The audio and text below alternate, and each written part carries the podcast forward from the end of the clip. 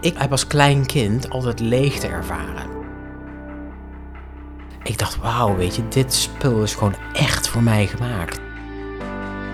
Dat fijne gevoel, daar ben ik jarenlang naar op zoek gegaan. Ik heb dat gevoel nooit meer kunnen bereiken. Ja, dus tien jaar heb ik echt kampen gehad met een actieve verslaving. Gebruiken voelde ook heel veilig. Verslaving neemt alles van je af. Alles brokkelde af. S'nachts om half drie een sms gestuurd met één woord. Help.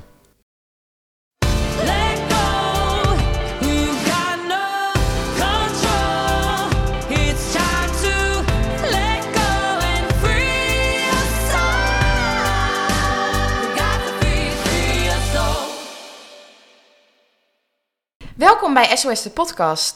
De podcast waarin we het hebben over verslaving en de impact daarvan op naasten. Mijn naam is Donna en ik zit hier vandaag weer bij mijn moeder aan de keukentafel. Hi mam. Hallo, ja, gezellig weer.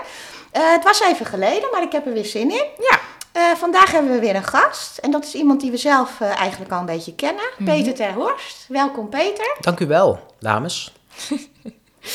nou wat leuk dat je er bent als eerste. Ehm, een tijdje geleden hadden we een podcastopname met jouw vrouw, Karin. En jij was toen ook mee, maar je mocht niks zeggen. Was, Dat, eh, dat deed hij wel, maar dat was een vrij moeilijke opgave. dat hebben we eruit geknipt. Ik heb nog nooit zo'n moeilijke ochtend beleefd. Ja, hè? Ik moest gewoon mijn mond houden. Ja, precies. Maar vandaag mag je gelukkig wel Fijn. praten, dus dat is fijn. Jij hebt zelf namelijk ook een verhaal en dat staat los van Karin. Eh, maar wat wel heel interessant is en een mooie aanvulling voor de podcast. Ja, zeker. Nou, we doen even een korte introductie over Peter. Nou, je bent zelf heel lang verslaafd geweest. Ja. Eh, inmiddels ben je volgens mij 14 jaar in herstel. 14 jaar, 9 maanden en 4 weken, denk ik. Ja. Jeetje. Ja, ja, ja, ja, ja. Heel knap, heel lang al. Ja. Nou, je bent zelf ook een onderneming begonnen waarin je met een team van professionals hulp biedt aan mensen met een verslaving en hun familie. Ja, correct. We hebben een, een organisatie. Ja. En eh, je vrouw Karin is ook werkzaam binnen deze organisatie. Ja. Daar hebben we het in aflevering 11 ook over gehad. Ehm, maar toen jullie elkaar leren kennen, was jij al een tijd in herstel, toch? Ja, klopt. Ehm, wij hebben elkaar leren kennen in 2013, denk ik. Eh, wij hadden geen relatie. eh, maar toen was ik vier jaar in herstel. En we hebben een relatie sinds 2000... Oeh, dan moet ik het wel goed zeggen natuurlijk, hè? Nee, ja, pas op, hè? Pas op. Spannend. we hebben een relatie sinds eh, 2015. Ja, ze knikt. Ja. Ze knikken ja, gelukkig. ik wil het even hè, schakelen. Eh, sinds die tijd hebben we een relatie, ja. En, wij, en ik ben eh, voor mezelf begonnen, toen was het eh, 2016. Ehm, ik wou heel graag zeg maar, iets doen in verslavingsland Nederland, zoals ik het graag noem. En ik had toch al links en rechts wat ervaring op mogen doen. Ik ben begonnen als professional eind 2009, begin 2010. Ik was eerst werkzaam als vrijwilliger in een kliniek, 12 stappen kliniek, Oké. privékliniek in Amsterdam. En da- daar ben ik zelf ook clean nuchter geworden en in herstel geraakt. Ehm, en toen ik een, nou, ik denk 48 uur nuchter was, of nou ja, heel kort in ieder geval, toen dacht ik, oh weet je, ik wil ook graag hier werken. Ik wil ook andere mensen gaan helpen. En heel veel mensen die, net als ik ervaringsdeskundigen zijn, die zullen het ongetwijfeld herkennen wat ik zeg. Ja, hoor ik vaak. En mensen die in de kliniek zitten, Ja. denken, oh, ik wil hier ook werken. Of Ja. ik wil ook counselor Oh, ja. worden of therapeut worden. Of... En ik had ook dat van, oh, dat wil ik ook. Ja. Ehm, en ik ben mijn droom gewoon echt na gaan jagen. Eh, ik heb eerst een jaar als vrijwilliger daar gewerkt. Dus eh, ik was vijf dagen de week was ik aan het werken in een fietsenwinkeltje in Zaandam. En de weekenden, de zaterdag en de zondagen, was ik als vrijwilliger, als peer supporter, zo heette dat toen, was ik werkzaam in die kliniek. Dan begeleidde ik de groep en dan deden we meestal leuke dingen. Eh, op zaterdag gingen we naar de bioscoop, of we gingen varen, of we gingen paintballen. Of leuke Oh, dingen ja. doen in ieder geval, met de cliënten destijds. En op zondag was er altijd familiegroep in de kliniek. En dan begeleidde ik de, de cliënten ook, zeg maar. En toen ik bijna een jaar clean en nuchter was en in herstel was, kreeg ik een vast contract in die kliniek ook. En zo ben ik, is eigenlijk mijn professionele carrière begonnen. Begonnen. Zeg maar januari 2010. Ja, dus je bent beetje. eigenlijk al bijna 14 jaar werkzaam ook in, Ja. eh, in dat wereldje. Ja, zeker. Ja. Ja. Maar kun jij ehm, in het kort, gewoon even bij het begin beginnen, eh, vertellen hoe oud je was toen jouw eh, verslaving, nou ja, het begint natuurlijk niet meteen met een verslaving, maar toen jouw gebruik begon en hoe lang dit geduurd heeft? Ja, dat kan ik. Nou, in het kort wordt lastig. Eh, ik zal proberen de korte versie toe te gaan passen. Het gaat over gebruik, hè. Dus ehm, kijk, ik als, heb als klein kind altijd leegte ervaren. Dus wat ik ermee wil zeggen is dat ik kom uit een heel warm gezin. Mijn ouders waren hele warme, warme mensen, zeg maar. Alleen wat ik heb gemist thuis, en dat was misschien een generatiedingetje, dat, dat weet ik niet, maar wat ik heb gemist thuis, er werd nooit gecommuniceerd over gevoelens en emoties. Er werd bij ons thuis niet over gepraat. Nee. Weet je, het was altijd over, eh, mijn ouders hadden het over, oh weet je, die gordijnen, we gaan morgen naar de Quantum andere gordijnen kopen. Of we gaan even, oh we moeten even echt ook langs Ikea, want we hebben echt nieuwe stoelen nodig. Wat eten we vanavond, schatje, zeiden ze dan tegen elkaar. En we hebben vandaag goed verkocht in de winkel of op de markt. Praktisch. Ja. Dat waren een beetje, ja, nou, oppervlakkig. oppervlakkige gesprekken Ja, vo- ja. vonden er plaats bij ons thuis. En blijkbaar had ik als klein jongetje, had ik wel behoefte aan diepgaandere gesprekken, zeg Ja. maar. Dus, dus in mij ontstond er een leegte. Ja. ja. Dat is een onderdeel, zeg maar, wat, wat echt hoort bij, vers- bij verslaving. Dus je Ja. was wel gevoelig ook als kind. Ja, ja, plus mijn vader was alcoholist of hij zat tegen alcoholisme aan. Oké. En verslaving is genetisch bepaald, hè, dat Ja. weten we, dat hebben we onderzocht vanuit Amerika. En ehm, dus in mij zat het zaadje al. Ja. Nou, toen ben ik een jaar of zeven, acht. Ik zal wat voorbeelden geven, ook voor de luisteraars. En wat ik deed, kwam mijn vader smiddags terug van de markt. En dan zette hij zijn eh, bus bij ons in de loods. En ik kon vanaf het woonhuis via de bijkeuken naar de loods toe. En die bus die zat nooit op slot. En er stond het geldkistje stond op de bijrijdersstoel. Dan deed ik het geldkistje open en pakte ik een gulden of een riksdaalder, 2 gulden 50 destijds. Dan deed ik dat in mijn zak stoppen. En dan ging ik naar de Albert Heijn snoepjes kopen. En dan ging ik de volgende ochtend snoepjes uitdelen op het schoolplein. Oh. En dan was je 7, 8 jaar? Zeven of acht jaar. Ja. En dan zul je zeggen, maar wat heeft dat te maken met verslaving, Peter? Kijk, wat ik deed op jonge leeftijd, is dat ik creëerde eigenwaarde en zelfvertrouwen aan de buitenkant. Ja. Ja. Want ik vond het vroeger heel erg belangrijk wat andere kinderen van mij vonden. Ja. Hè, dus dat was zeg maar extern, dus niet intern, maar extern was Ja. dat. En dat was op jonge leeftijd al. En dat heb ik heel lang vol weten te houden natuurlijk. Ja. Om maar, ik wou gezien worden, ik wou begrepen worden, ik wilde erbij horen, ik Ja. wilde, nou, al dat soort dingen. Toen ik een jaar of 12 was, 13 ongeveer, toen werd ik verliefd op een meisje voor de eerste keer in mijn leven. En eh, die verliefde gevoelens die ik had, die vlinders, die zou ik best met mijn role models, mijn ouders willen delen. Ja. Maar dat ging niet. Nee. Want zij communiceerden nooit over gevoelens. Nee. Was gewoon geen en ruimte of voor. emoties. Nee, Dat, Nee. dat, zo, dat vond bij ons thuis gewoon niet plaats. Nee. Waardoor de leegte die ik had groter werd. Ja. En toen ik een jaar of 15, 16 was, zeg maar, toen... Kijk, nu is het heel anders, maar destijds durfde ik ook nooit op een meisje af te stappen, zeg maar. Dus ik was best misschien introvert of Verlegen ik had een hele, ja, verlegen, passief ook, zeg Ja. maar, een beetje terughoudend. Maar toen ik voor de eerste keer op stap ging, toen ik een jaar of 15, misschien 16 was, en ik had vriendjes en vriendinnen uitgezocht, met met name vrienden uitgezocht die een stuk groter waren dan ik. Misschien ook uit zelfbescherming, hè. ik ben niet zo heel groot, qua lengte niet. Eh, Dat is oké. En, ehm, eh, en die waren ook wat ouder dan ik, die waren 18. Ja. En het leeftijdsverschil tussen 15 jaar jong of 18 jaar jong, dat zijn twee totaal verschillende werelden. Ja, Ja, op die ja. leeftijd is dat heel veel. He- ja, Hele andere zeker. Dus deze mensen, deze mannen zeg maar, die waren al wat verder. Die deden al een lijntje af en toe nemen, die deden al blowen, die deden, gingen vaker op stap, die deden wat drinken, die deden, nou noem het maar op. En, en ik was nog een beetje bleu zeg maar. Maar omdat ik met deze mensen wel op stap mocht van mijn ouders, toen kwam ik in aanraking met alcohol. Of alcohol vond mij. Ja. Oh ja. Want dat vind ik altijd een interessant Ja. gegeven, zeg maar. Ja. Hè? Want kijk, ik durfde niet op een meisje of op een vrouw af te stappen op die leeftijd. Maar stel, ik ging destijds naar het Leidseplein Amsterdam, zaterdagavond. Geloof me, er lopen daar 3000 vrouwen. Ik drink drie, vier, vijf glaasjes Heineken. Ik ga met al die 3000 vrouwen ga ik in gesprek. Dat doe ik. Ja. Ja. Maar zelf zou ik dat niet durven. Nee. Dus alcohol deed voor mij iets Wat je graag wilde eigenlijk ook. Nou, wat jij wilde graag niet dat kon contact. doen. Ja. Weet je wel? Dus het, dus het had een functie. Op jonge leeftijd had het een functie. Ja. Ja. En wat ik me ook heel goed herinner, sterk, is dat ik me... Ik heb me altijd anders gevoeld dan andere kinderen. Op een of andere manier voelde dat gewoon zo. Ja. En wat dat nou precies was, dat, dat kan ik niet omschrijven. Dat weet ik niet, maar ik heb dat zo wel ervaren.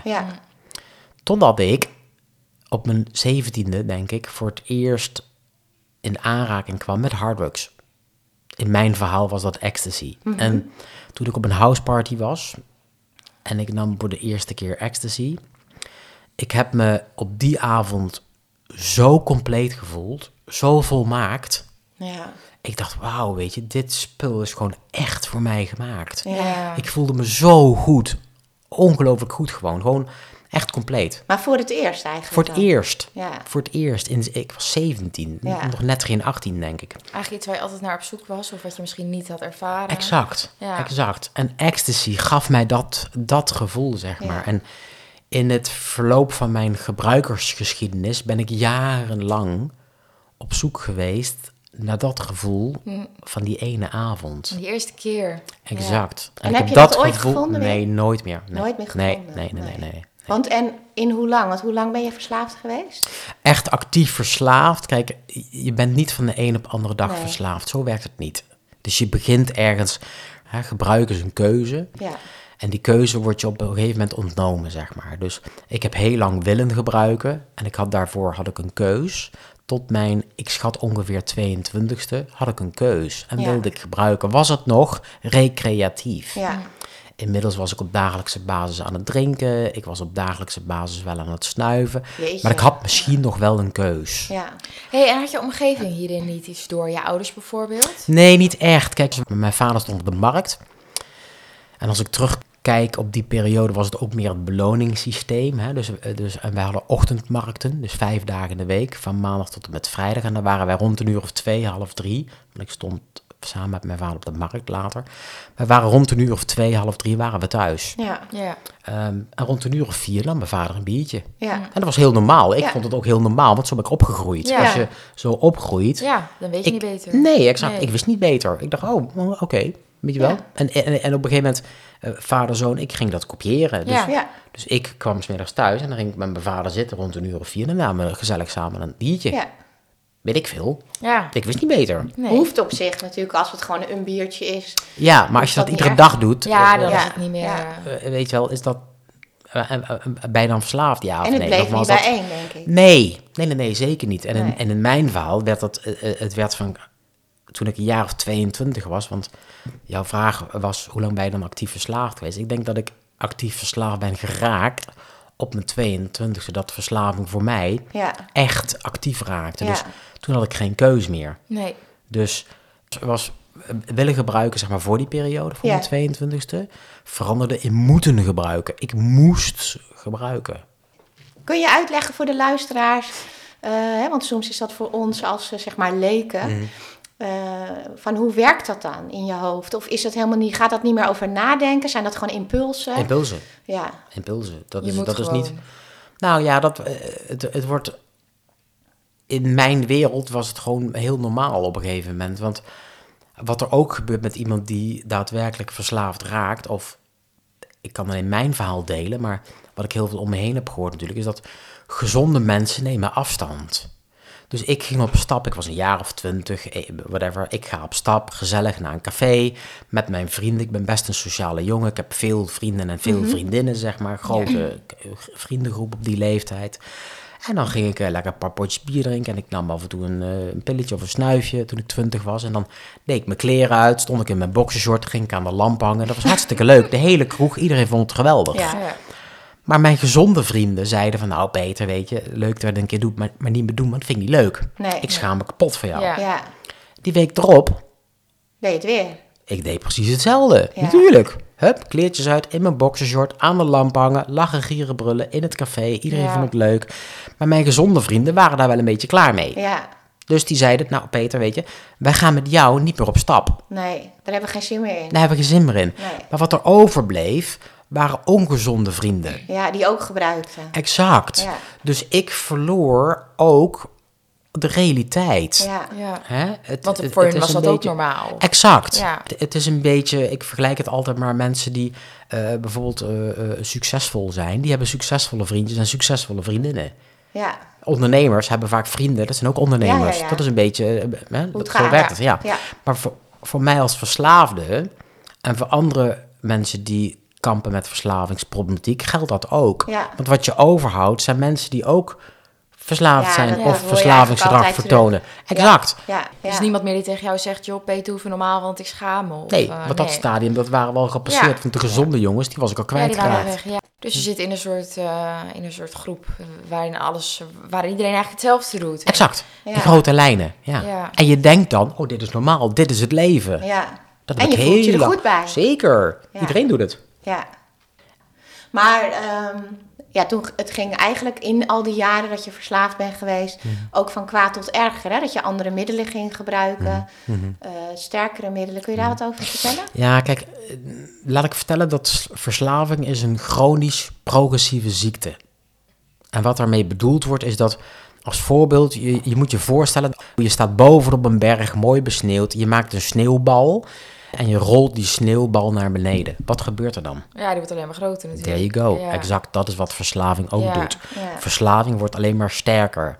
Je hebt steeds meer nodig van hetzelfde middel om een bepaalde high te kunnen creëren, om een bepaalde high te krijgen. Ja, Dus ik, toen ik 17, 18 was en ik kwam in aanraking met ecstasy en ik voelde me voor het eerst in mijn hele leven compleet, dat fijne gevoel, daar ben ik jarenlang naar op Ja. zoek gegaan, om dat, om dat gevoel van die ene avond specifiek weer te kunnen bereiken. Ja, ik, Alleen, ja, ik heb dat gevoel nooit meer kunnen bereiken. Ik, ik ben tien jaar echt intensief, actief verslaafd geweest. En ik ben clean en nuchter geworden en gebleven en in herstel gegaan. Toen was ik 32. Ja, dus tien jaar heb ik echt kampen gehad met een actieve verslaving. En in die Ja. tien jaar heb je dus nooit meer gevonden waar je naar op zoek was Nooit meer. eigenlijk. Nee, nooit meer. Nee, ik heb me nooit, nee.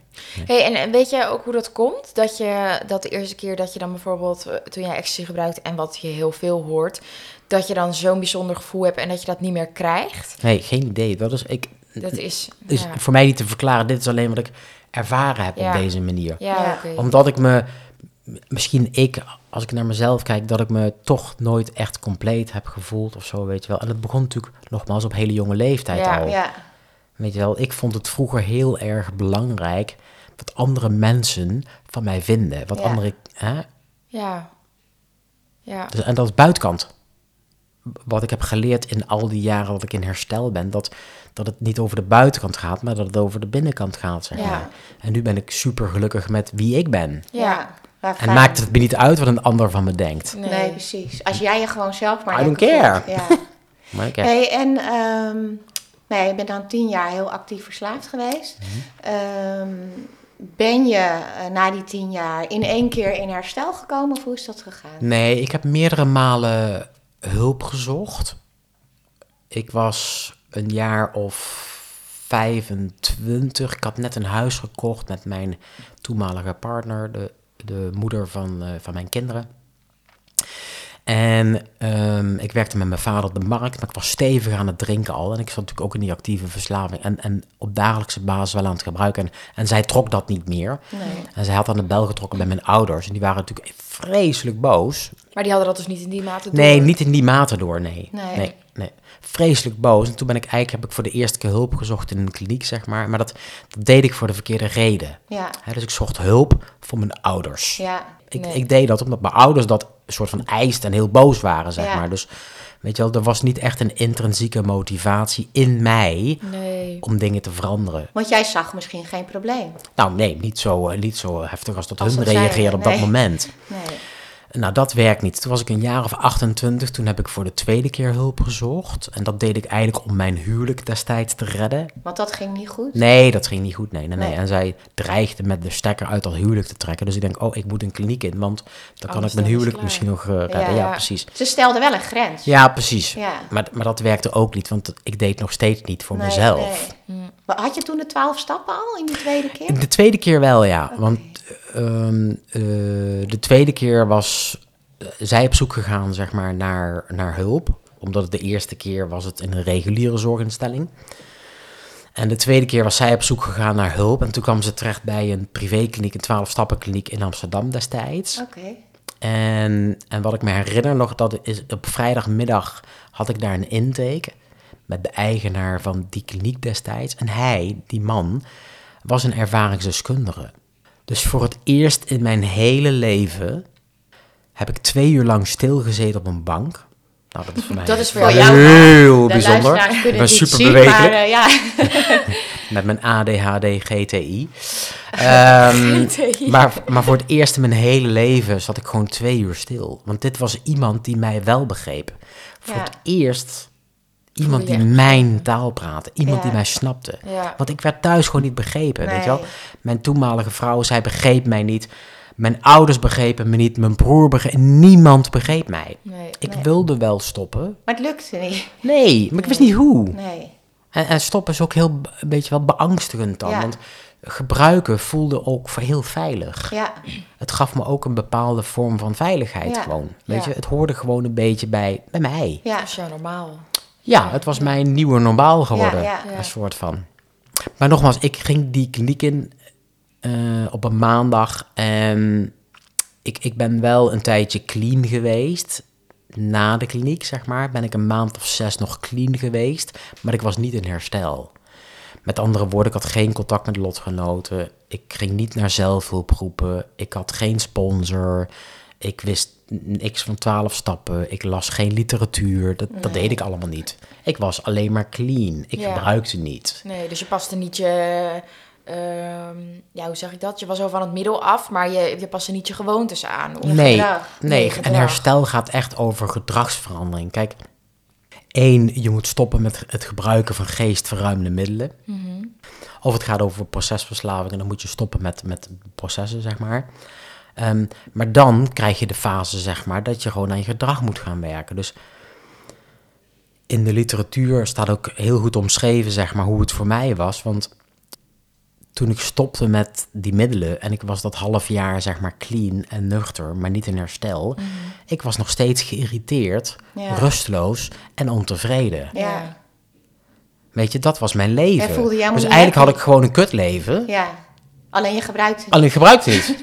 Nee. Dus, dus, Nee. dus ik, ik, ik kon net zo goed weer gaan gebruiken, een soort van. En hoe zeg kwam maar. dat dan, Dus denk je? Dat je nog zo rusteloos en... eh, ik ging niet naar meetings, ik, ik deed niks aan twaalf stappen, ik pakte herstel niet. Je hebt de binnenkant Ik was, aangepakt ik was Nee, alleen nee. maar clean en nuchter. Ja. Want dat was gewoon geen, fijn, geen fijne periode. Want als je alleen maar clean en nuchter bent, dus voor mij is dat niet voldoende. Nee, Nee, ik wil herstellen. ik, ja. Ik wil vandaag een betere versie van mezelf zijn dan gisteren. Ja. En dat is iets wat ik iedere dag wil. Weet Nou, je, en waar dus- je je goed bij voelt. Zeker, Ja. zeker. Ik wil iedere dag iets leren. Ja. Ik wil iedere dag een beter mens zijn voor mezelf. Want als ik een beter mens ben voor mezelf, ben ik ook een beter mens voor mijn omgeving. Ja. Voor mijn vrouw, voor mijn collega's, voor mijn kinderen, voor, voor iedereen. Ja. Toen ik eh, dus voor de tweede keer in die kliniek had gezeten, zeg maar, ehm, toen ben ik een maand of zes, zeven, zeg maar, clean geweest en nuchter geweest, maar niet in herstel Ja, nogmaals. Ja. Belangrijk. Ehm, en wat er gebeurde is, ik, we hadden een feest bij de buurman, zeg maar. Ehm, dus ze had de babyfoon meegenomen en de, de muziek ging hard en de mensen gingen meer drinken. En ik, ik was nog steeds, ik dronk niet, hè. Iedereen wordt luidruchtiger wanneer ze drinken natuurlijk, zo werkt het. En dat was nu of kwart over elf en toen zei zij, ik ga naar huis, want ik hoor de babyfoon niet meer. Ik zei, nou prima, ik, ik, dan ga ik mee naar huis. Toen zei ze, nee, blijf maar. Dus ze had vertrouwen in, want ik Ja. was al, Ja, ik jij was kon al zes blijven. maanden nuchter. Ja. Ja. En op dat moment knapte er iets in mijn hoofd. Want vijf minuten later dacht ik, nou weet je, ik kan best één biertje drinken uit de biertender. Die waren toen heel erg in, Ja. die biertenders. Ja, weet ik ja, ja, dat was die periode. Ehm, maar kook moet ik niet meer doen.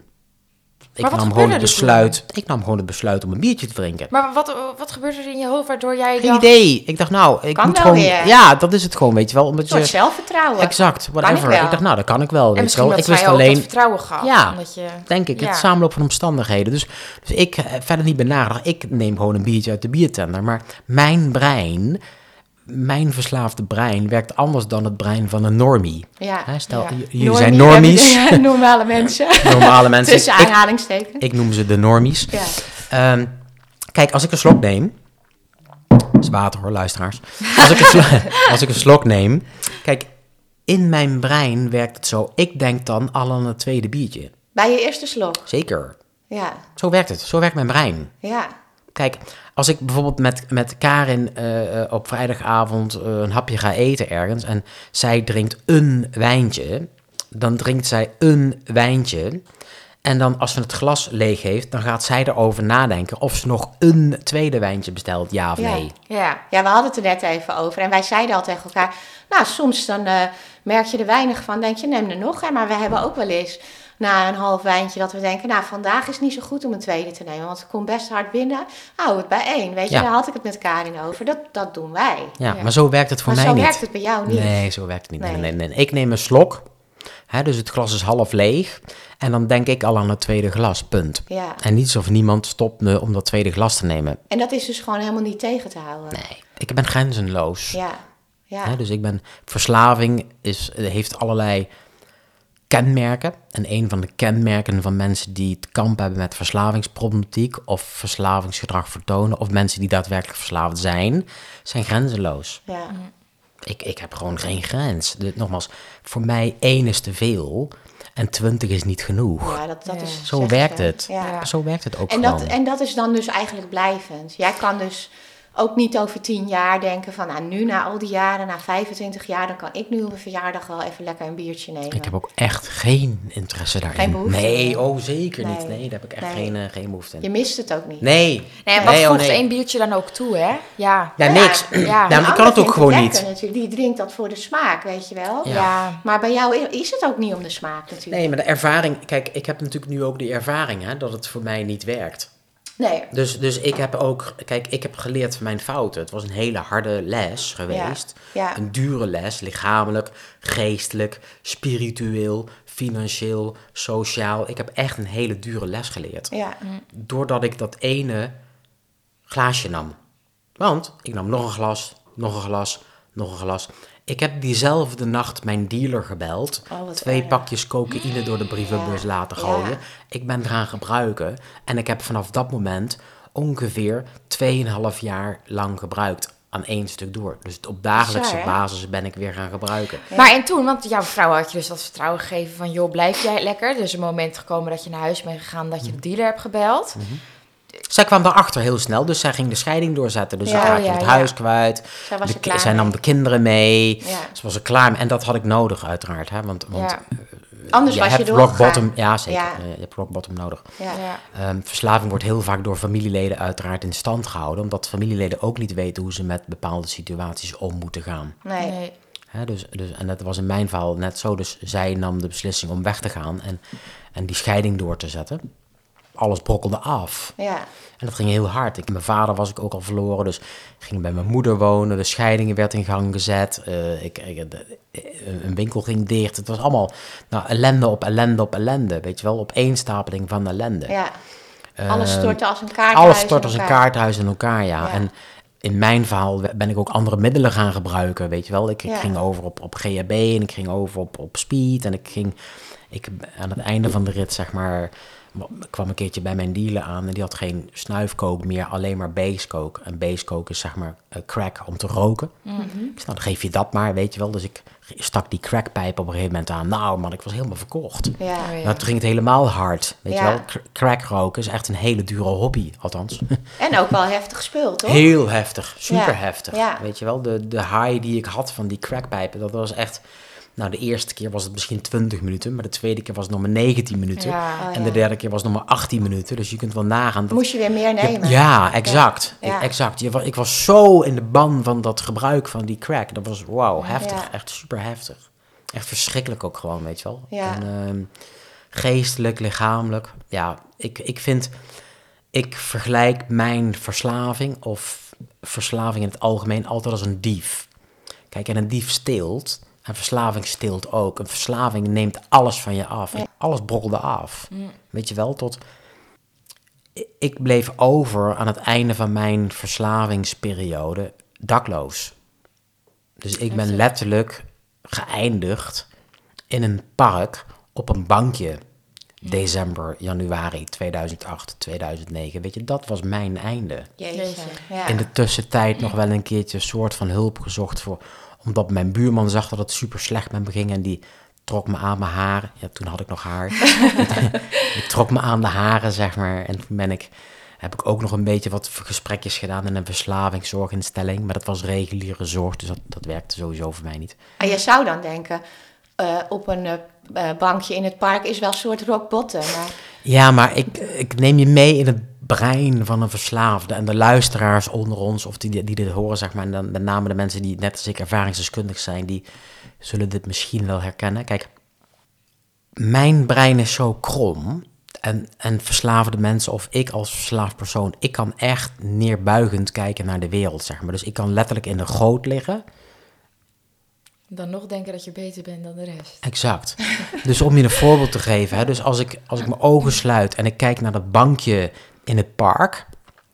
En er liggen allemaal spuug en flessen en uitwerpselen. En nou, allemaal, je kunt je het een beetje wel voorstellen, zeg maar.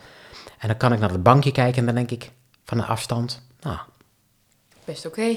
mooi bankje. het valt eigenlijk wel mee. Ja. Ja. maar dat, dat, weet je, zo, zo gek ben ik dus. Ja. Zo ja. krom is dus mijn brein. Nee, niet realistisch. Nee. Gewoon he- ik heb gewoon een heel ziek brein. Maar kun je dat nu nog voorstellen? Nee. Nee. Nee, nee, nee. Nee, nee, Nee. nee, nee. Daar sta ik echt... Nee, het gaat bij mij, godzijdank...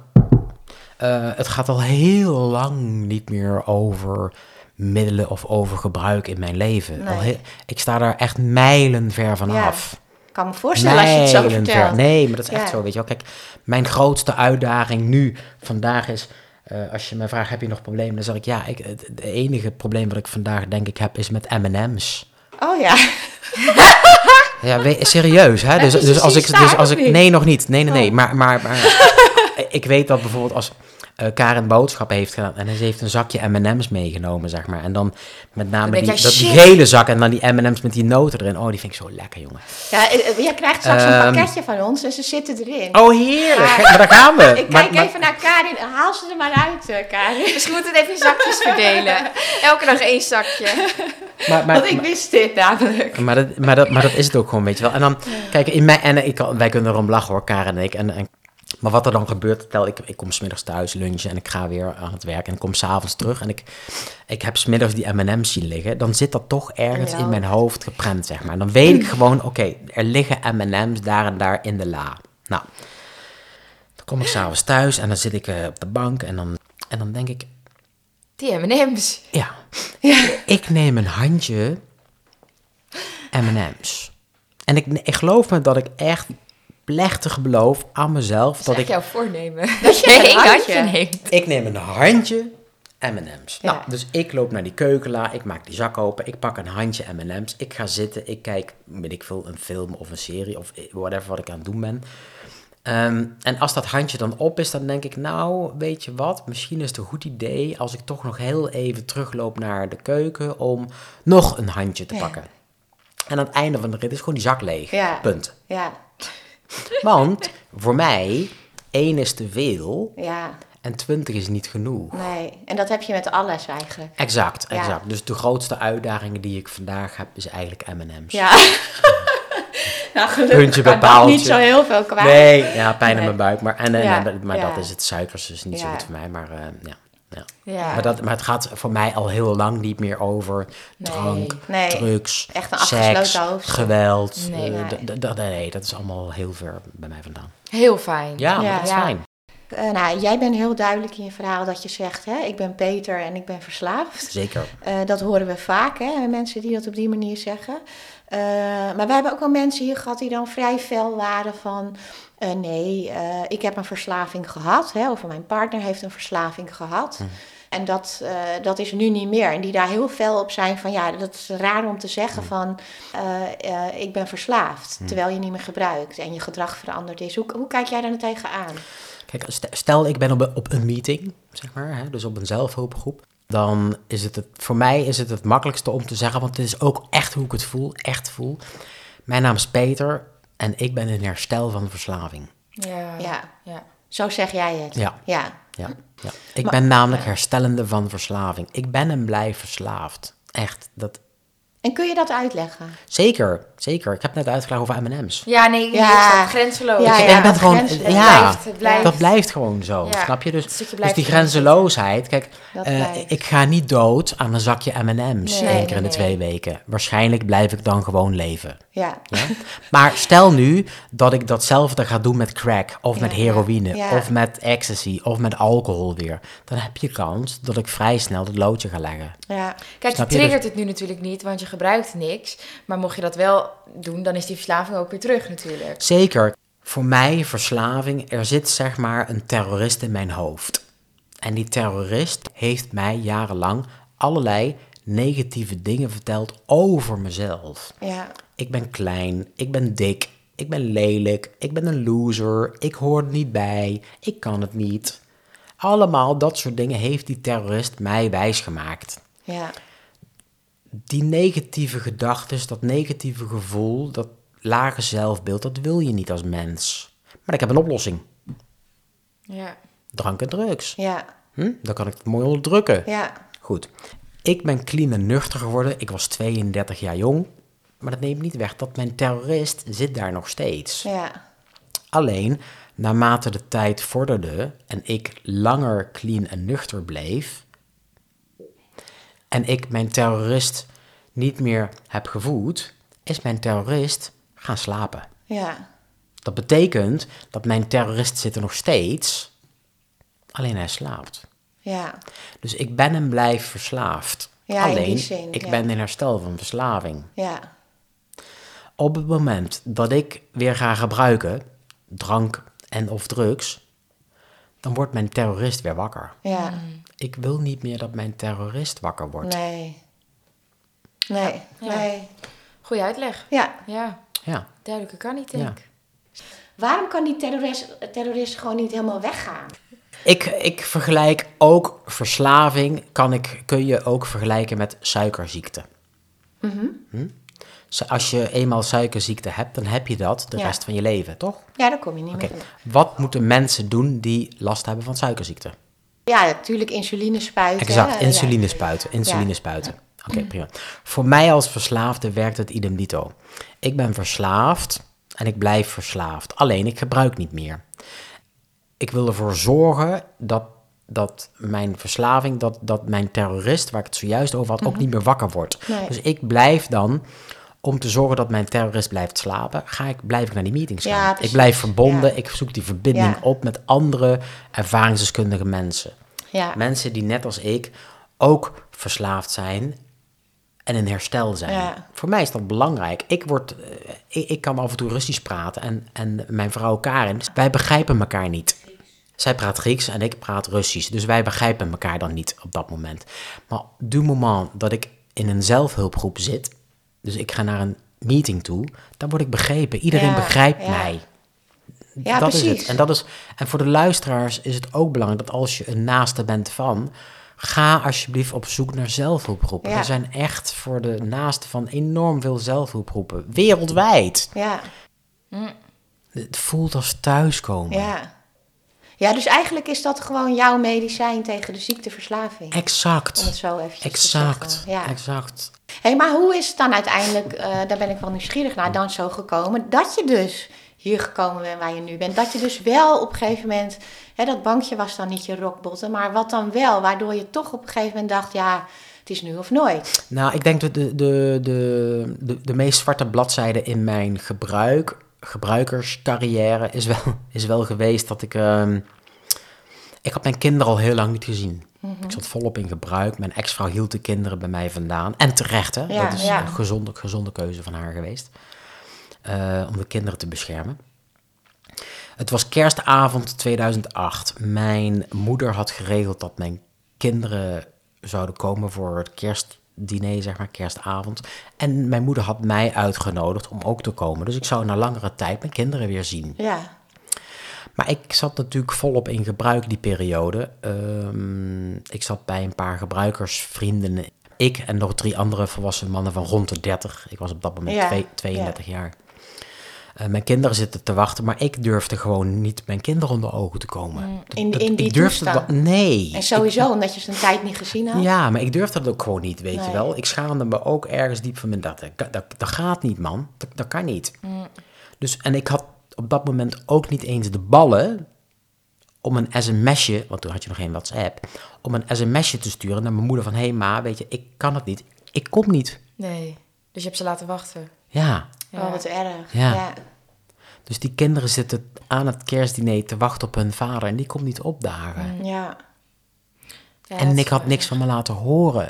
Wat er gebeurt, want eh, ehm, op het moment dat de drugs of de alcohol is uitgewerkt, komt ook het besef. Ja, Schaamte. de ellende. Ja. De Schaamte, schuld. het schuldgevoel, Ja. weet je wel. En wat ga je dan doen? Of wat ging ik dan doen? Ja, weer gebruiken. Exact, Ja, heel exact, herkenbaar, ja. exact. Snap je? Dus dat was echt hele zwarte bladzijde, zeg maar, kerstavond 2008. En ik ben vanaf dat moment doorgaan met gebruiken, zeg maar, tot ongeveer 1 januari 2009. En omdat ik in dat gebruikershuis een soort van verbleef, lag ik buiten op een galerij in een t-shirt. Daar lag ik helemaal Ja, koekoek in een waarschijnlijk lichte of whatever in coma. ja. Ik was helemaal weg. Ik was eh, dagen wakker geweest. Niet geslapen. Nee. Alleen maar gebruikt met die mannen. Jeetje. Ja. Weet je, en mijn einde was... Er waren hele trieste momenten in die week. En ik weet me nog dat we... Wij hadden nog geen 6 euro bij elkaar Nee. voor een grammetje pep. Oh ja. En op het moment dat ik, dat ik daar gevonden ben... Kijk, die jongens eh, zaten ook allemaal in gebruik. Durfden geen hulpdiensten in te schakelen. Nee. Durfden de Nee. deur... Dus ze hebben me een soort van naar binnen gesleept. Op een bed neergelegd. Gingen een soort van waken naast dat bed. Ja. Hebben wel han- handdoekjes en washandjes Oh, nat erg. gemaakt en neergelegd. En ik, ik lag daar natuurlijk, denk ik zo ongeveer. En, Ja. en wat ik mij herinner is dat ik kwam bij en een van die mannen zat naast mij, langs dat bed. En ik, ik keek hem aan, ik moest even schakelen. Ik van, Waar ben ik? ja, waar ben ik? En ik keek hem aan. En, en wat ik me nog herinner is dat ik hem vroeg van, joh, is er nog iets om te gebruiken? Oh, wat erg. Ja. Dat was je eerste zin gewoon. Ja, ja, dat is wat ik me herinner, ja. ja. Ja. Vreselijk. Ja. Ik ben, ik ben vreselijk ziek gewoon. Ja. Echt super, super ziek. Ja. Dat is dus, dus niet voor te stellen voor normale mensen. Nee. En toen, toen dacht je dit... Een, een, een week later of zo, toen had ik toch stoute schoenen aangetrokken. Want ik was dakloos op dat moment, Ja. al een week of zes ongeveer. Toch de stoute schoenen aangetrokken. Toen ben ik, ben ik naar Westervoort gegaan, daar waar, waar, ik woon, waar mijn moeder woonde ook. Heb ik aangeklopt bij mijn moeder. Ik zei, mama, mag ik alsjeblieft, alsjeblieft één nachtje, één nachtje even slapen? Ja. Even naar binnen, omkleden, douchen, scheren, Ja. andere kleding aan. Even een prakje eten, gewoon even normaal Ja. eten. Even, weet je, ik moest gewoon bijtanken ook. En mijn moeder, nou ja, goed, weet je, kom maar naar binnen dan, maar, maar geen drugs gebruiken. Ja. Dat was een, nou ja, goed, dat moet natuurlijk niet, maar... En, en, dat, en toen heb ik besloten, toen ik bij mijn moeder was, ehm, in mijn ouderlijke huis, daar, daar sliep ik dan zeg maar op mijn kamertje. En eh, rond een uur of twee s'nachts, denk ik, ben ik naar beneden gegaan, aangekleed. Mijn moeder woonde vlak bij het spoor, weet je. Het was op, de koek was op, dit was het einde. Ja. Oh, wat erg. Dit was mijn einde. Ik kon niet meer. En ik wilde dit ook niet meer. Ik wilde maar één ding en dat was rust. Ja. Ik wilde zo graag weg uit die gekte. Ja. Ik, wilde, ik, ik kon dit gewoon ook niet meer. En toen stond ik bij mijn moeder in de keuken. Ik had echt, ehm, de, ik noem dat de gift of desperation. Ik Ja. was zo fucking wanhopig. Echt super, super wanhopig was ik. Maar ik had ook op datzelfde moment een moment of clarity. Dus Ja. echt, er gebeurde iets. Ja. Iets van buitenaf, wat ik vandaag mijn hogere macht noem Ja. iets van buitenaf zei tegen mij: Peter, misschien moet je nog één keer hulp zoeken. Ja. En nu was het, ik deed dit voor Peter. Ja. Ik deed het niet voor mijn moeder, niet voor mijn kinderen, niet voor mijn broer, niet voor andere mensen. ik deed het echt, echt, echt voor Peter. En er was ook geen andere, keu andere keuze volgens De mij. trein, of, of ik het was einde, aangekleed of- en al. Ik wou naar dat spoor lopen, dat was 150 meter bij mijn moeder vandaan. Ja. Daar was ik, ik was er klaar voor. Dus het was eigenlijk was of het, dood dit, dit was het. of nog iets proberen. Dat was het. Ja. Letterlijk. Ja. En toen realiseerde ik me, toen ik bij mijn moeder in de keuken stond, dat in de keukenla van mijn moeder lag een oud Nokia-telefoontje nog. En daar stond het nummer in van het 06-nummer van die man waar ik een intake mee had gehad toen ik 28 was. In, In die Amsterdam. 12 stappenkliniek in Amsterdam. Ja. Die jou begreep destijds. Ja, Ja. die man. Ik had zijn nummer, dat stond in dat telefoontje. Dus wat ik had gedaan, ik ging dat telefoontje opladen, 10 minuten, want dat telefoontje was leeg. Heb ik dat nummer eruit gehaald en heb ik met mijn eigen prepaid telefoontje, heb ik die man s'nachts om half drie een sms gestuurd met één woord. En dat was? Help. Jeetje. Ja. En toen? Nee, maar ik heb... eh, Ja. En ik zit hier, ik zit hier omdat deze man had datzelfde nummer nog, Ja. 2,5 jaar later. Hij hoorde mijn sms'je binnenkomen en hij belde gelijk op. Jeetje. Daarom Ja. zit ik hier. Ja. Jeetje. Anders had ik hier misschien niet gezeten. Nee. Jeetje, bijzonder. Ja, Ja. heel bijzonder. Ja. Ehm, dus, dus hij zei, wie is dit? Ik zei, nou ja, ik ben het, Petertje. Hij zegt, hoe gaat het? Het was half drie s'nachts, hè? Ik zei, nou, niet zo goed. Ik, ik kan niet meer en ik wil eigenlijk voor de trein springen. Hij zei, ik ga je helpen. Hij, ga- ik ga je helpen. Waar ben je nu? Nou, toen heb ik uitgelegd waar ik was. En, ehm, hij zei, eh, de kliniek bij ons zit nu vol. Maar zodra er een bed beschikbaar komt, ben jij de eerste die bij ons weer naar binnen mag, zeg maar. Ja. Je bent gewoon meer dan welkom. Maar zorg dat je veilig blijft Ja. tot die tijd. En toen ben ik, ehm, heb ik mijn moeder wakker gemaakt. Dus heb, heb ik verteld wie ik aan de lijn had gehad, zeg maar. En dat ik gebeld had en dat ik terug kon naar zijn kliniek, zeg maar. Ja. En eh, of ik alsjeblieft, alsjeblieft thuis mocht tijd, blijven. ja. Weet je wel, een soort van, om een soort van veiligheid in te bakenen. Nou, mijn moeder had het natuurlijk al vaker gehoord. Weet je wel, ik bedoel, haar zolder lag vol met sorry's en Ja, excuses ja, die natuurlijk niks meer waard waren. Nee. Al heel lang niet meer. Maar toch gaf mijn moeder mij het voordeel van de twijfel en mocht ik daar blijven in mijn ouderlijke huis. Opgesloten in de kamer en het gebruik ging gewoon door. Hè. Dus de dealer kwam aan de deur. En, Ja. ja. het was een vreselijke periode. Vreselijk, En hoe lang duurde dat? periode. Ehm, ik kreeg eind januari een belletje vanuit de kliniek, zeg maar, dat ik welkom was op maandagochtend 2 februari om 11 uur s ochtends in Amsterdam. Oké. Dus mijn laatste gebruik is geweest op zondagavond 1 februari 2009. Toen ben ik, eh, heb ik de autosleutels van mijn moeder gejat. Toen ben ik naar Elten gereden, weet ik nog heel goed, tankstation in Duitsland. Ik, vlak, ja, dat is vlakbij Ja, Arnhem, eh, Arnhem, Duitsland, dus ik Ja, ken het heel ver, maar dat is maar een kwartiertje. Dat is heel vlakbij. En in Duitsland heb je in de, bij de tankstation zit altijd een slijterij in. En dat tankstation was 24 uur per dag open. Toen heb ik een fles Jägermeister gekocht, 0,7 liter. Lauw. Want als je lauw alcohol drinkt, komt het harder aan. Ja, ja. Eh, toen ben ik daar vandaan ben ik naar Arnhem gereden. Heb ik eh, op de pof heb ik nog een bolletje crack gehaald. Ik heb nog crack gerookt op mijn kamer. Die fles Jägermeister gedronken. Oh, wat erg. Ja. Ja. En dat is het laatste wat ik gebruikt heb. Ja. S ochtends vroeg heeft mijn eh, schoonzusje me opgehaald. Die heeft me naar de trein gebracht, het treinstation in Arnhem. Treinkaartje gekocht, mij een nieuw prepaid nummer ge- gegeven.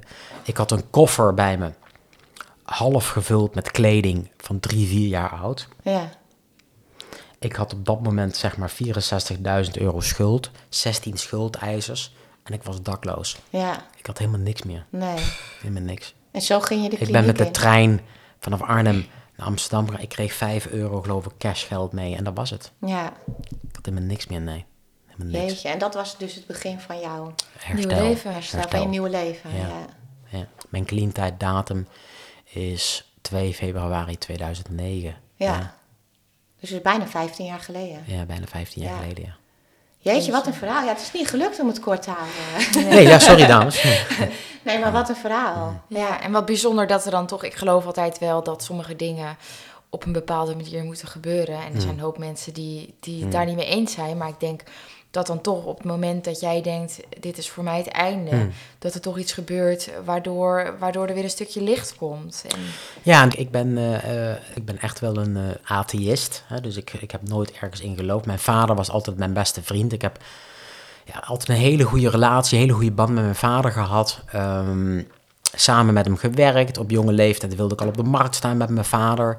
En dat heb ik allemaal gedaan. Hè? dus, dus we hadden echt een hele fijne relatie. En toen ik 28 was, werd mijn vader ziek. Kanker, longkanker. En dat heeft drie maanden geduurd en toen overleed hij al. Ja. Ja. Dus je bent best jong Dus ik heb, verloren. ja, nou, en hij was mijn allerbeste vriend ook nog. Ja.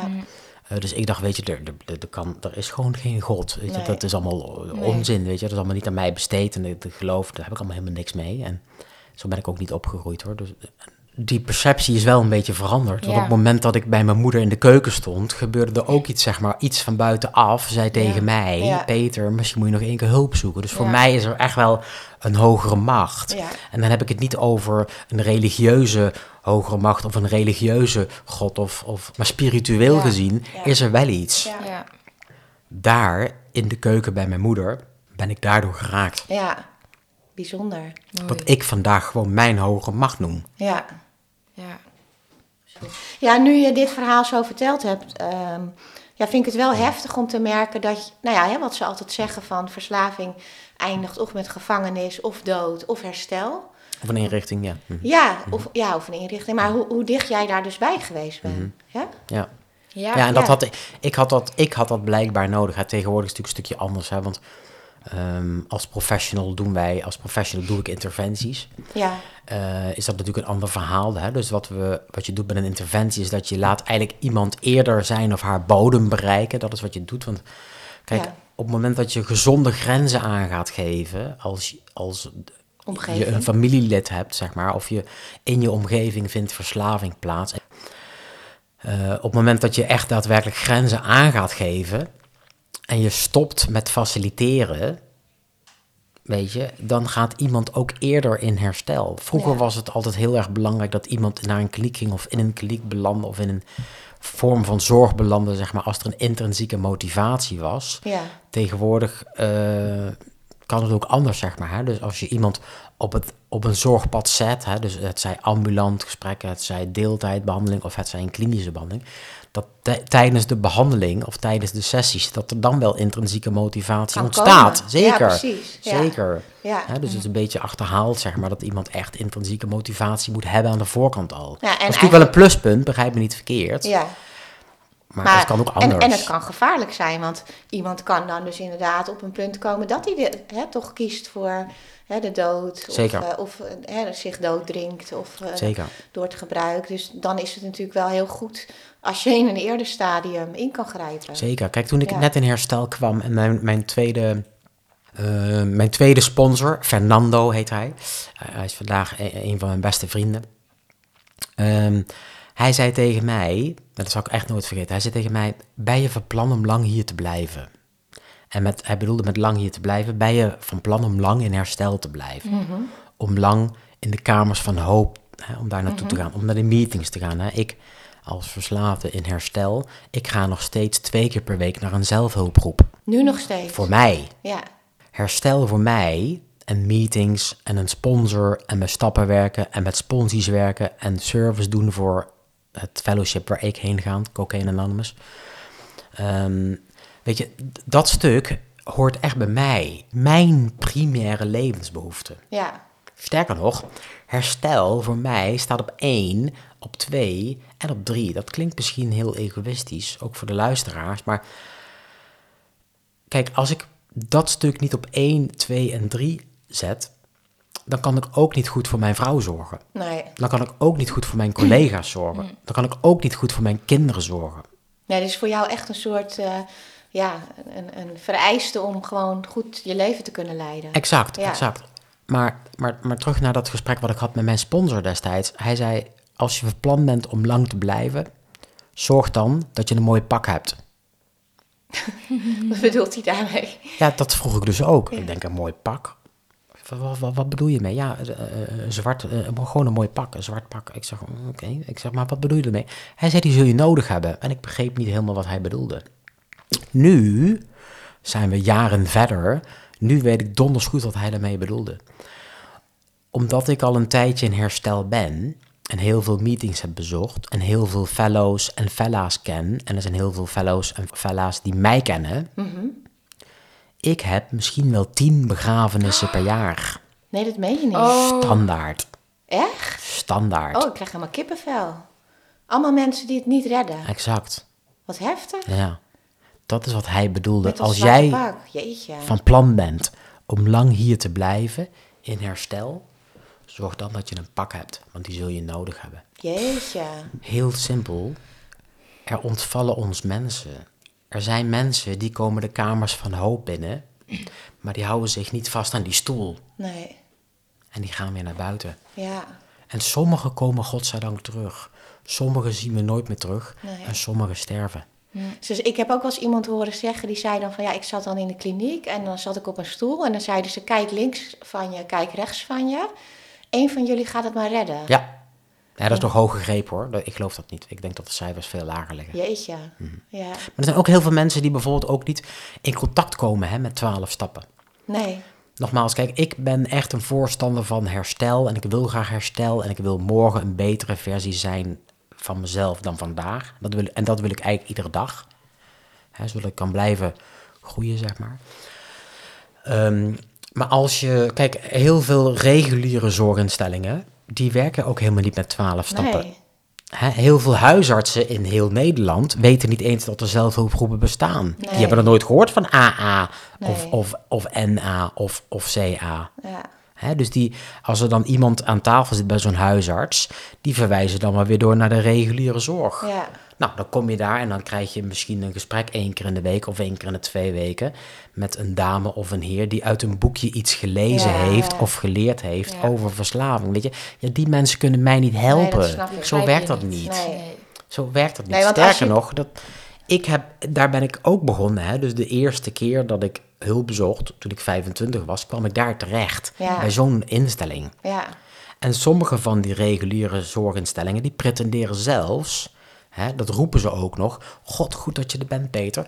Wil je stoppen met gebruiken of wil Minderen. je minderen? Nee. Gecontroleerd Ja, gebruiken. dat heb ik eerder gehoord. Echt, Ja. echt. En ik praat over, ik was 25, ik ben 47, ik, we zijn 22 jaar verder.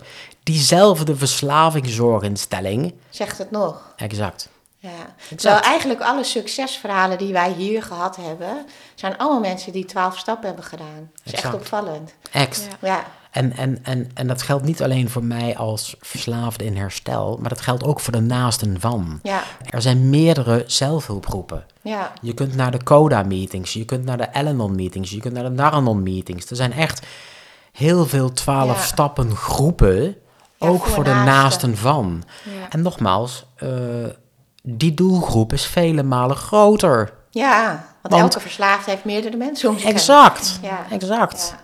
En, en, en als professional, vanuit onze organisatie, wij kijken niet zeg maar naar de verslaafde persoon in kwestie. Wij kijken echt naar het systeem. Ja. Dus als mensen bij ons aan tafel komen in de praktijk, dan gaan we het niet hebben over, oh, eh, Jantje, jij bent verslaafd, jij bent het junk, jij bent dit en bla bla bla. Weet je wel, wij gaan niet oordelen of veroordelen. Nee, we gaan het hebben over, we zitten hier als gezin. Hè, wij zijn de professional, we gaan jullie als gezin helpen. En het gezin, het systeem heeft een probleem. En dat probleem, dat heet verslaving. En dat Ja. moeten we gezamenlijk aan gaan pakken. Ja. We Dus gaan niet oordelen en veroordelen, want dat heeft geen zin. Dat Nee. hoort die verslaafde helemaal niet. Nee. Dat hoort je al heel lang. Dat werkt niet. Nou, en- Iedereen en- heeft last van verslaving. Ja. Ja. Ja, en, en Ja. we hebben Ja, daar- dat Ja. klopt. ja. Ja, we hebben het daar met Karin inderdaad in in de aflevering 11, hè, waarin Karin zat, eh, ook over gehad. Maar dat je, ik denk dat dat ook is wat jullie veel zien, dat je heel vaak ziet als een verslaving al heel lang duurt, dat het vaak eh, in de omgeving zo is, hè, in de familie. ehm, eh, ja, hoe moet ik dat nou zeggen? Maar dat ze vaak te lievig zijn, weinig grenzen. Niet altijd, maar dat je dat wel vaak terugziet. Hoe, hoe is Kijk, ze- jouw ervaring? Nou ja, ze faciliteren. Ja, Ze in faciliteren, hè? Ze houden het in stand. Ja. Dus, dus wij krijgen, eh whatever, zomaar een random voorbeeld, wat we natuurlijk, wat we, wat we heel veel zien in de, in de praktijk. Hè? Dus, dus ouders willen dan helpen. Hè? St- Stel je hebt een zoon en die woont op zichzelf en die is verslaafd en jij bent de moeder en je maakt je zorgen en je gaat iedere week daarheen om het huis schoon te maken. Je gaat eh, zijn kleding wassen, je doet strijken, je doet twee, drie keer per week doe je eten koken ook nog hem. Eh, dan is de vader, vaders die geven meestal geld. Hè? Dus die zoon die krijgt een boete, die wordt staande gehouden, die heeft geen geld meer, die stuurt een tikkie en papa maakt dat allemaal maar over, zeg maar zomaar. Kijk, dan hou je het allemaal in stand. Ja, Verslaving wordt heel lang in stand gehouden. ja, En dat faciliteren, dat moet stoppen. En op het moment dat je een interventietraject ingaat, dus de interventie zoals we die uitvoeren, zeg maar, dan hoeft het niet met de harde hand te zijn, zoals de mensen wel kennen van het tv-programma Verslaafd. Dat Ja. is ook een vorm van interventie. Dat is meer de overvaltechniek. Hè? Dus de verslaafde persoon in kwestie wordt 's ochtends wakker gemaakt, uit zijn bed gehaald. Ja. De familie zit beneden, leest een brief voor, want hè, de maat is vol, tot hier en niet verder. Dat is een vorm van interventie. Ja, Een andere vorm van interventie die wij toepassen vanuit Mhm. onze organisatie is gewoon een uitnodigende vorm. Hè? Dus wij gaan als organisatie eerst met de familie aan de slag. Dus eerst met het systeem, zonder dat die verslaafde persoon in kwestie dat weet. ja. Kijken of alle neuzen dezelfde kant uit staan. En of Hè? zij er ook echt aan toe zijn Exact. om zelf ook te veranderen. Exact. Het anders te doen. Ja, exact. En dan pas gaan wij de persoon in kwestie waar het over gaat, die kamp met verslavingsproblematiek, uitnodigen. Want het gaat namelijk over die persoon. Ja. Ja. Met zijn of haar verslaving. En dan gaan we hem vertellen, joh, luister, we zijn hier met z'n allen bijeen. Hè? Wij als organisatie zijn al een tijdje in gesprek met jouw familie. Ehm, zij trekken dit niet meer, zij maken zich ernstig zorgen, want er heerst verslaving in het systeem. Ja. En wij willen gezamenlijk dit probleem aanpakken. Ja, Dus die persoon in kwestie voelt zich ook gesterkt, want Ja. hij hoort het woordje gezamenlijk. ja. Ja. Hè, want de familie gaat ook een traject in. Het Ja. voelt minder als een soort aanval. Exact, Ja. we gaan helemaal niet aanvallen. Nee. helemaal Nee, niet. Nee. De verslaafde persoon in kwestie moet zijn of haar pad van herstel op. Hè, waar wij altijd op aansturen is natuurlijk een klinische behandeling in een 12-stappen kliniek. Ja, een ja. van onze partnerklinieken waar wij mee samenwerken, want we hebben er een paar. Ehm, maar het systeem wat achterblijft, moet er ook een traject in. Ja, Want zij zullen zich in de toekomst of vanaf vandaag ook anders moeten gaan opstellen. Ja. ja. Hè? Niet meer faciliteren. Nee. Ik zag daar gisteren een voorbeeld van in de nieuwste aflevering van Verslaafd. Ehm, nou, ja, zo heel zo'n verhaal met interventie. En die jongen zat dus in die kliniek. En na tien dagen had hij zoiets, nou, dat, ik kan het niet meer, ik trek het niet meer. Die belde zijn moeder. Maar die moeder was al geïnstrueerd, want ze had het al aanzien komen. Dus die had een A4'tje liggen wat zij moest antwoorden. Maar die jongen ging echt op het gevoel, ja, jullie moeten me opkomen halen. Want als je dat niet doet, dan, dan kom ik voorlopig niet meer bij jullie. En het is heel gemeen. En, maar die moeder hield voet bij stuk. Heel goed, En hij is blijven zitten en het is gelukkig goed gekomen. heel goed. Maar in een eerder stadium zou, zouden die ouders hem op zijn gaan halen. Van, Zeker, ja, maar die weet weten je? niet beter. En mijn ex-vrouw wist ook niet beter, maar, maar mijn moeder wist ook niet beter. Kijk, Nee. ehm, eh, mijn moeder leeft helaas niet meer, maar ik, ik ben haar zoon. Dus ze deed alles voor mij, gewoon, weet je wel. Als we destijds al bekend waren in Nederland met interventies, want interventies zijn natuurlijk nog niet zo heel lang Nee. in Nederland bekend. Hè? Pas, eigenlijk is, is, is het pas bekend geworden bij het grote publiek, ik denk in 2013, toen we het eerste seizoen van Verslaafd hebben gemaakt. Ja. Met eh, Peter van der Vorst toen nog. Eh, toen is het een beetje bekend geworden in Nederland dat er interventies bestaan. Ja, sinds een jaar of tien dus. Ja, ja, ja. Da- daarvoor gebeurde het misschien ook wel mondjesmaat, maar was het gewoon niet bekend. Nee. Ehm, maar als het eerder bekend was geweest, dan was het, was er misschien eerder ingegrepen en was ik misschien eerder op het pad van herstel beland. Ja. Ja. Hè, dan had het niet zo ver hoeven komen. Had ik niet al die ellende, was me een hoop ellende bespaard gebleven misschien. Ja, ja. Maar goed, mijn moeder of, of, of mijn ex-vrouw of an- andere familieleden, zeg maar, zij wisten gewoon niet beter. Nee. Ze weten niet Maar je beter. weet ook dus helemaal niet waar je mee te maken hebt natuurlijk. Nee, en het werkt gewoon averechts. Nogmaals, al ik op kantoor of tijdens een intakegesprek maak ik vaak een vergelijking dat als je iemand in de familie of in je naaste omgeving hebt die eh, te kampen heeft met de verschrikkelijke ziekte K, dan kun je prima voor die persoon zorgen. Ja. Ga boodschappen doen voor die persoon. Ga de ramen wassen. Ga stofzuigen. Ga dweilen. Geef die persoon af en toe eh, geld omdat hij om wat voor reden dan niet meer kan werken. Of whatever. Ja. Weet je, dat is prima. Ja, maar niet bij je verslaafd. Nee, want Nee. wat je doet is je voedt de verslaving. Ja. Iedere keer als jij je zoon of je dochter 50 euro geeft, dan gaat jouw zoon of dochter een stukje dood. Ja. En dat is jouw schuld. ja, dat is een harde boodschap, hè? Ja, zeker. Ja, maar ik moet eerlijk zijn. Ja, ja. ja. Ik moet eerlijk zijn. En- Dit is de realiteit. En als je dat niet doet, dan wordt het natuurlijk alleen maar erger. Want het is progressief. Dus, het is een progressieve Ja. ziekte. ja. Je, je, je kind, of je vader, of je moeder, of je broer, of je zus, hij of zij gebruikt zich dood. Punt. Ja, ja. En als jij denkt dat je hem 20 euro of 50 euro of whatever, eh, het bedrag is niet zo interessant, maar als je, als je dat maar blijft doen, dan voed je de ziekte. Ja, Stop daarmee. Stop met het voeden van de ziekteverslaving. ja, En dat is natuurlijk heel lastig, want het is wel je kind. ja. Of je moeder, of je broer, of je zus, of Ja, je... dat is super moeilijk. is ook moeilijk, snap Maar het je? is wel heel fijn hè, dat, dat ze daar dan in begeleid worden. En daar Zeker. hulp bij krijgen. En dat is natuurlijk echt wat jullie doen. Ja, wij doen niet anders. Ja. Ja. Wij focussen ons echt op het hele systeem. Ja, Ja, en daar moeten ze ook voor tekenen, zeg maar. Iedereen moet 100% bereidwillig zijn Ja, om goed. zich te conformeren aan de zorg, aan de begeleiding, aan de coaching die Ja. wij als organisatie bieden. ja. Ja. Ja, zeker. Nou, wel heel mooi Ja. werk. En wel heel mooi dat je... eh, nou, we hebben net je hele verhaal gehoord. Maar dat je je nu zo in kan zetten... Mm. eh, ja, voor mensen die in soortgelijke situaties zitten... als waar jij in hebt gezeten. Nou ja, Ja. fijn dat jij ook, wat jij noemde, dat er toen eindelijk iemand was die jou begreep en Hmm. die jou wilde helpen. Dat jij dat nu voor iemand anders misschien bent. Dat, Zeker. dat je eindelijk de persoon bent die hun begrijpt en Hmm. die, die weet waar ze vandaan komen. Dus dat is wel... eh, En dat krijgen we ook vaak terug, hè? Dat, dat eh, de, de mensen in ons team, zeg maar, die bij ons werken, die, die zijn eh, nagenoeg allemaal ervaringsdeskundig. Ja, dat zag ik op de Dus, site. ja. Ja, dus, dus één, of ze zijn, net als ik, ervaringsdeskundig op het gebied omdat ze zelf te kamp hebben gehad van een, met een actieve verslavingsverleden en in herstel zijn daarvan. ja. Mini- minimaal drie jaar plus. Ehm, en anderzijds zijn het de naaste van. Hè? Jullie hebben elkaar eerder in de uitzending gehad, mijn vrouw. Ja, ja. Zij is de naaste van. ja. Dus op die manier weer ervaringsdeskundige. Exact, Ja. dus wij begrijpen dat systeem. We Ja. begrijpen het hele systeem. Als er een familie bij ons aan tafel zit, klein of groot... heb je alle kanten. Die... we- ja, wij snappen het. We Ja. snappen waar jullie zitten. Ja, en dat is zo belangrijk. Ja, Ja, en ook heel fijn, ook voor familie, om dat stukje herkenning. Dat het, hè, dat het ook begrepen wordt hoe het voor hen is. zeker. Wat voor drama het is waar ze in zitten. Zeker, Ja. zeker. Want zij lopen ook tegen muren aan of tegen deuren op... omdat zij worden ook niet begrepen. Nee, Nee, en Nee. wij snappen dat wel. Ja. Aan twee kanten. We weten waar jullie zitten. Er is een weg naar boven. Er is echt, there is a way out. Echt. ja, precies. Ja. ja, wat mooi. Nou, dat is dan wel, denk ik, mooi om daarmee af te sluiten. Eh, voor de luisteraars nog wel, eh, denk ik, even goed om te zeggen... dat ze op www.peterterhorst.com, zeg ik het goed? Correct, ja. kunnen kijken voor meer informatie over eh, jullie organisatie, wat jullie doen, wat jullie kunnen aanbieden.